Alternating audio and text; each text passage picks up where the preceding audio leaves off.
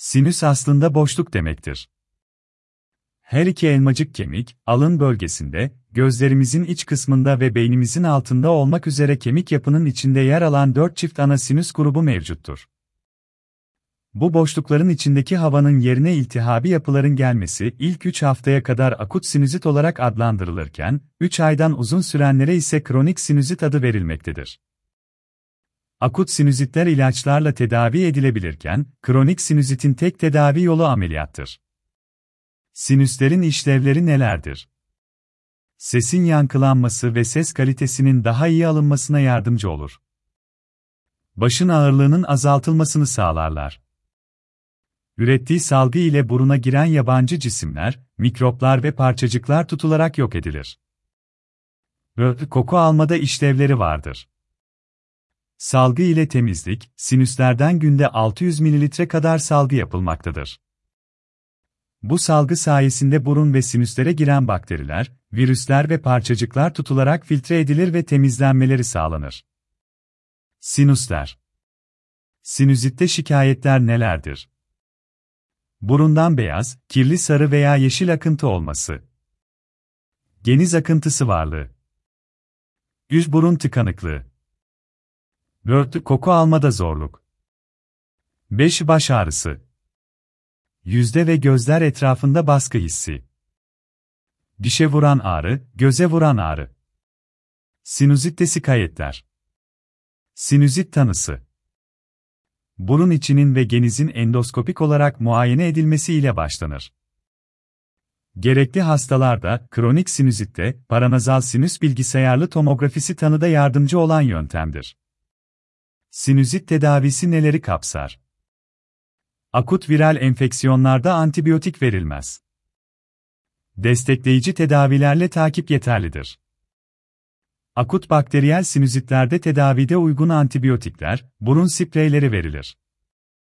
Hastanın alerjisi varsa alerji ilaçları tedaviye eklenmelidir. Ortamın buharla nemlendirilmesi yararlı olur. Sinüzitin gelişimine zemin hazırlayan sigara dumanı, soğuk ve kuru hava gibi faktörlerin ortamdan uzaklaştırılması önerilir. Burunda yoğun akıntı varsa burun yıkamalarıyla ilaç tedavisinin etkinliği artar. Tekrarlayan sinüzitlerde altta yatan nedeni araştırmak gerekir. Bunlar burunda kemik eğriliği, polip, konka olarak adlandırılan burun etleri şişliği ya da çocuklarda geniz eti olabilir. Kronik sinüzit ise 12 haftadan uzun süren sinüzittir ve bu durumda ilaç tedavisinin faydası olmamakta, cerrahi müdahale ile gerekli tedavi sağlanmaktadır. İlaçla tedaviye cevap alınamayan ve sık tekrarlayan sinüzitlerde ameliyat gerekebilir. Sinüzit ameliyatı nasıl yapılır? Sinüzit ameliyatı genel anestezi altında burun içinden endoskopik kamera sistemi ile yapılır. Dışarıdan herhangi bir kesi yapılmaz ve iz kalmaz. Burun içindeki enfekte dokular, polipler, kistler temizlenir ve sinüslerin buruna açılan sinüs kanalları genişletilerek drenaj yolları açılmış olur. Endoskopik sinüs cerrahisi, FES. Fonksiyonel endoskopik sinüs cerrahisi, FES amacı sinüslerde biriken problemli dokuların ve sıvıların temizlenmesi ve sinüs içinin havalanmasını yeniden sağlamaktadır. Bu da sinüslerin boşaltım kanallarındaki tıkanıklığa yol açan hastalığın ortadan kaldırılmasıyla olur. Endoskopik sinüs cerrahisinin temel felsefesi budur. Ameliyat sonrası birkaç kez pansuman yapılmaktadır. Hastalarda burun tamponu uygulamamaktayım. Hastalarımız hastanede kalmamakta, aynı gün eve çıkabilmektedirler. Ya sinüzit tedavi edilemez ise? Sinüzit tedavi edilmediği takdirde hastalık ilerler, iş gücü kaybı ve yaşam kalitesinde bozulmalar olur.